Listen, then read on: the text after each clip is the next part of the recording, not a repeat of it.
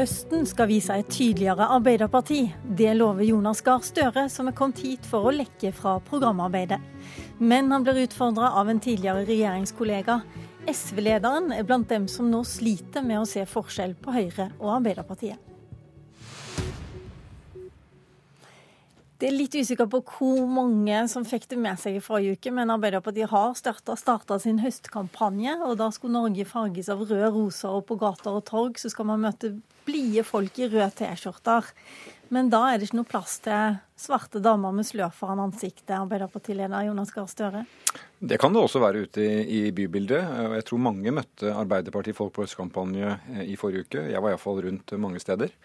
Eh, men det du sikter til, er jo diskusjonen om såkalte heldekkende plagg i skolen, som har vært et debattema den siste tiden. Eh, og Der har Arbeiderpartiet nå fremmet et forslag som jeg tror er veldig godt og balansert. Eh, og Det går ut på det at i skolen så skal hele ansiktet syns, for å si det kort. Det er en måte å, si på at er du i utdanning, er du lærer, er du elev, så skal du kunne kommunisere med det mennesket som du har foran deg. Da må du se hele ansiktet, øyne, munn, ansikt. Eh, og det eh, er et forslag som ikke plukker ut ett plagg, plukker ut én religion, rekker noen pekefinger, men understreker et ganske grunnleggende prinsipp som jeg tror egentlig det store, store, store flertallet i Norge er for. Er, det kommer antageligvis til å bli et sånn kappløp fram mot stortingspresidenten på første dag i Stortinget. For Frp har også varsla at de kommer til å legge inn et forslag om dette her. Og det altså, jubles fra New York og Sylvi Listhaug, så du får antageligvis flertall? Eh, jeg tror det flertallet ikke eh, trenger Fremskrittspartiet med på laget. De, de sliter jo med å finne ut hva de mener. De mener én ting i regjering hvor de sier nei til å gå inn i dette, og de mener en annen ting i Stortinget. Det er vi blitt vant til. Vi kan ikke forholde oss til det i Stortinget. Og da du satt i regjering regjering, da mente du også, som denne regjeringen har sagt, at eh, man kunne bestemme dette lokalt? Ja, eh, det er riktig. Altså, jeg ledet integreringsutvalget i Arbeiderpartiet, og da overlot vi til eh, skolene å avgjøre dette. Det vi ser nå, er etter min mening en utvikling som gjør det nødvendig med én standard i hele landet. Eh, I Oslo er det såkalt forbudt. Jeg fikk med meg at i Vest-Agder har de nå foreslått at i ordensreglementet så skal det stå eh, at eh, du må kunne se hele ansiktet. Litt ulik praksis, og jeg mener det er rimelig overfor lærere og rektorer at det er én standard som gjelder. Så vårt forslag kommer til å gå ut på noe i retning av å be regjeringen på egnet måte sørge for at regelverket sier det at i skolesituasjonen skal hele ansiktet synes. Og gjelder det, så er det en grei eh, retningslinje for rektorer og lærere å lene seg på, og bør være ganske grei å gjennomføre. Men dere har vel snudd, og det er vel ikke noe tvil om at det er ikke så fryktelig mange norske elever med nikab? Nei, det er helt riktig at det ikke er så mange, men nettopp derfor er det grunn til å gjøre dette uh, grepet. Uh, nemlig i, i forkant at det kan bli flere. Eh, og Fremskrittspartiet, som vil ha et nasjonalt forbud mot klesplagg, det er ikke vår linje. Jeg mener Du begynte med å si hva folk går med ut på gater og streder. Jeg mener at i vårt samfunn så skal folk kunne kle seg stort sett som de vil, ut fra både smak og, og andre preferanser. Men sånn som i skole, og Arbeiderpartiet også ment i domstol og i, i, i politi, så skal vi ha eh, nøytralitet når det gjelder uniformer. Og i skole så skal du kunne se hele ansiktet. Det tror jeg både foreldre og lærere ser som eh, helt fornuftig og helt rimelig. Ok, vi skal over til landsstyremøtet, som du skal på nå i dag klokka to. Og da har du lovt eh, velgerne, det sa du tidlig eller sent i sommer, at Arbeiderpartiet skal bli tydeligere i forhold til dagens regjering. Eh, hvor kommer vi til å se de forskjellene sterkest? Vi er jo i en programprosess, og jeg har lagt vekt på siden jeg ble leder, at eh, Arbeiderpartiet må gå en god runde med sitt program og sine holdninger etter at vi tapte valget etter regjering i åtte år. Og da kan du ikke noen måneder etterpå komme og si at her er vi fiks ferdig, ferdigtenkt. Det er vi i ferd med å bli nå. Vi har hatt en grundig programprosess som ikke er ferdig før vi kommer opp under jul. Så skal det sendes ut og vedtas på landsmøtet i april. Men sånn som jeg ser det, så vil vi se en tydeligere eh, alternativ til regjeringen når det gjelder å forberede Norge på det som ligger foran oss nå. Jeg mener vi har en regjering som ikke forbereder oss godt på det. Eh, som bruker masse energi på ting som ikke er det viktigste for å, eh, for å forberede oss. Eh, denne såkalte norske modellen om at vi har trygghet på jobb, trygghet i jobb. At arbeidsmiljøet gjør det mulig å, eh, å, gi ditt beste, ta i bruk ny teknologi, være med på omstillinger. Det er basert på trygghet. Og veldig mye går i gal retning i forhold til trygghet i arbeidslivet.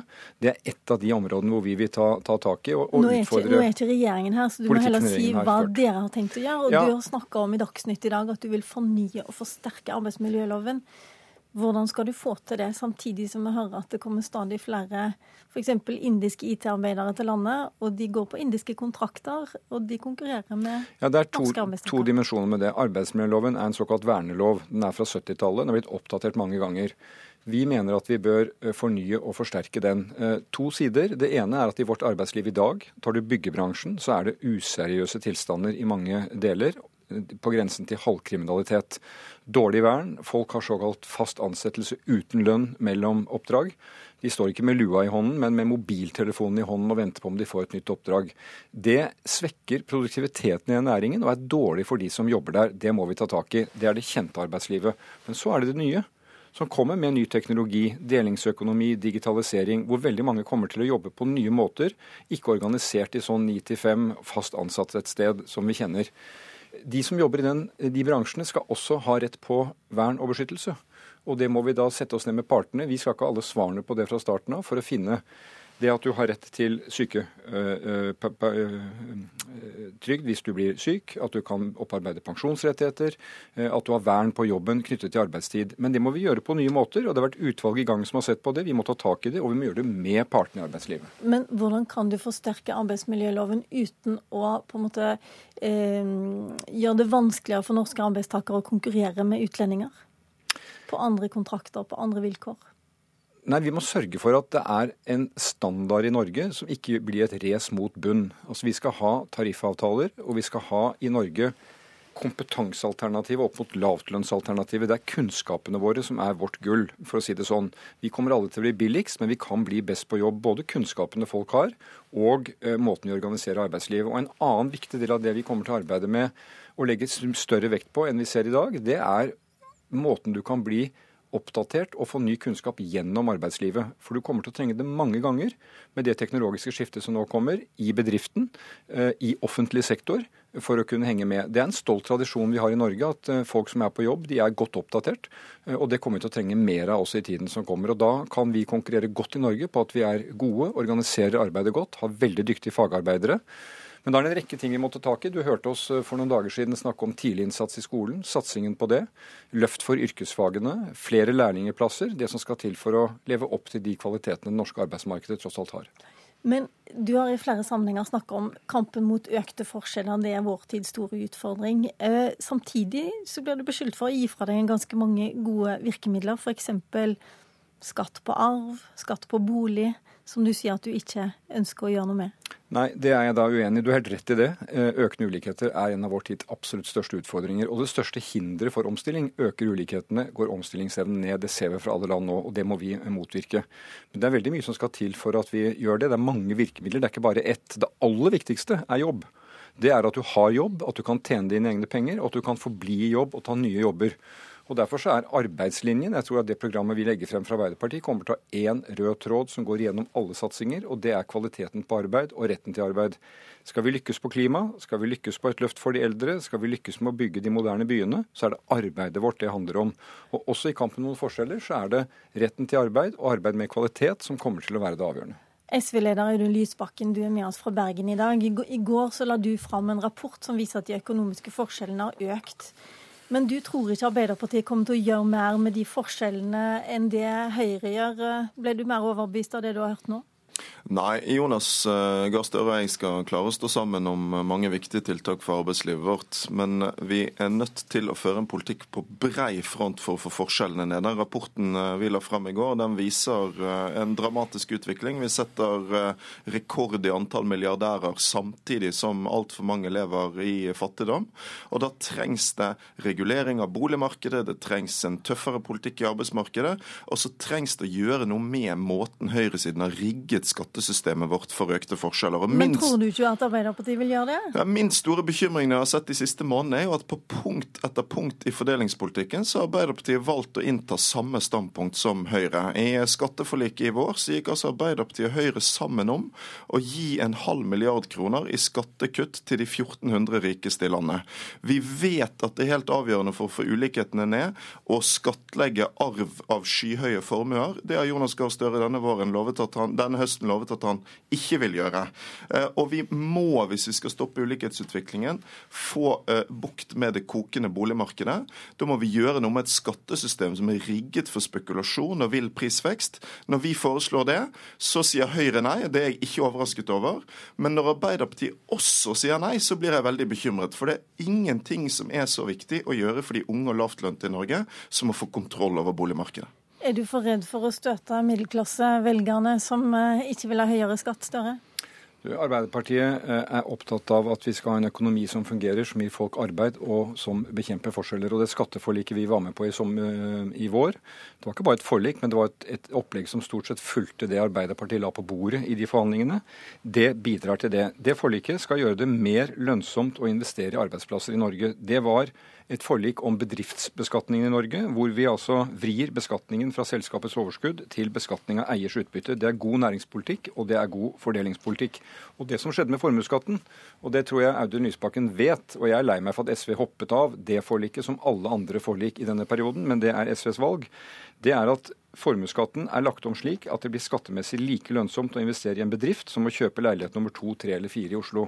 Og Da er vi også inne på det at vi gjør det mer attraktivt å investere i produktivitet som skaffer jobb, fremfor uh, mer uh, boligspekulasjon. Men Lysbakken, er ikke dette en slags uh, ansvarsfordeling mellom dere? Hvis Arbeiderpartiet tar de lilla velgerne i sentrum, så kan du ta de røde velgerne hans? Jeg tar gjerne flest mulig røde velgere, men hvis det å jakte de lilla velgerne skal bety å kopiere Høyre sin politikk, så tror jeg vi er ille ute. For da klarer vi ikke å gjøre noe med det som så mange uroer seg for, nemlig den store forskjellsutviklingen i Norge. Da må altså venstresiden tørre å være venstreside, og vi må tørre å gjennomføre de politiske endringene som skal til for å få forskjellene ned. Dette skatteforliket Arbeiderpartiet var med på, det innebar bl.a. skatterabatt på aksjeformuer, det innebar økt mulighet til skattefritt utbytte. Altså nett nettopp den typen skatteletter som Arbeiderpartiet kritiserer når Høyre gjennomfører de, men som de nå er med på sjøl. Og hvis vi får et nytt flertall og skal få forskjellene ned, så må vi gjøre noe helt annet. Da må vi jo øke skattleggingen av de som har mest, og så må vi samtidig bruke skattesystemet for å få kontroll på, på boligmarkedet. Og, og det, Når Støre ikke vil det, så viser det to ting. For det første en bekymringsfull tendens til å legge seg opp mot Høyre i fordelingspolitikken. For det andre at virkelig forandring får vi bare hvis vi får et nytt flertall som er avhengig av SV. Eh, jeg tror at Hvis du hører Høyres omtale av Arbeiderpartiets skattepolitikk og SV, så kan ikke begge ha rett. Eh, for de kritiserer oss fra hver sin kant. Og det gjør meg ganske trygg på at vi står godt der vi står. Vi vil ha et skattesystem som gjør det lønnsomt å jobbe, eh, som gjør det attraktivt å investere, og som fordeler rettferdig. Vi vil ha skatt på formue. Vi er mot den reduksjonen av formuesskatten som regjeringen har gjennomført, og vi kommer til å ha mer skatt på formue med oss. Arv er også formue, og det må vi ta inn den veien. Vi trenger ikke flere skatter på samme type objekt. Men la meg spørre på en annen måte. På noen målinger, ikke så mange, men noen målinger så har du faktisk kunnet velge du om du vil samarbeide med sentrum eller med SV, som du har gjort før. I skattepolitikken, hvem vil du foretrekke? Nei, Nå har vi inngått et forlik med en del partier som er i og for seg hele sentrum, hvor SV valgte å hoppe av i siste sving.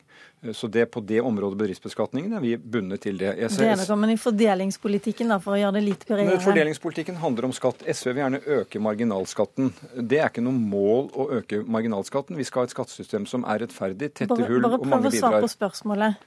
Sentrum eller SV? Gjerne samarbeide med begge når det gjelder fordeling. Det kan være gode ideer fra begge hold. Jeg tror Det som er felles for oss, er at vi kommer til å tydeliggjøre at vi ønsker en annen kurs enn det regjeringen eh, har. Eh, men eh, mange av de forslagene SV har på skatt, det tror jeg kommer til å virke dårlig, faktisk. At de ikke kommer til å nå de målene vi har. Men denne tørsten etter å finne tiltak som bidrar til å redusere forskjeller, som bidrar til å løfte folk ut av den fattigdommen de kan komme inn i, det er et engasjement vi deler med SV, hvor vi viste i de årene vi satt i regjering at vi fant gode løsninger. Da gikk faktisk forskjellene ned gjennom de årene. Lysbakken til slutt. Eh, du sier at det er ikke stor forskjell på Arbeiderpartiet og Høyre. men eh, Jeg er litt usikker på om Høyre ville hatt deg, men, eh, men du ville vel likevel fortsatt samarbeide med Arbeiderpartiet framfor Høyre? Selvfølgelig. Vi kommer til å gjøre alt vi kan for å kaste Erna Solberg, Sylvi Listhaug og Siv Jensen. Men det vil være veldig stor forskjell på om et nytt flertall blir et flertall bare av Arbeiderpartiet sentrum, eller et flertall som er avhengig av SV. Da må Arbeiderpartiet forhandle med oss. Da kan vi få gjennom mye av den gode fordelingspolitikken som Jonas Gahr Støre snakker om, men ikke er villig til å gjennomføre. Det er altså to... Og der fikk du sagt den også til slutt, eh, Audun Lysbakken. Men først så må du over en sperregrense, tror jeg, før man skal snakke for mye om dette samarbeidet. Bergen, Takk skal du ha. Takk til Audun Lysbakken i Bergen, og takk til Jonas Gahr Støre i programlederstolen, satt Lilla Sølhusvik.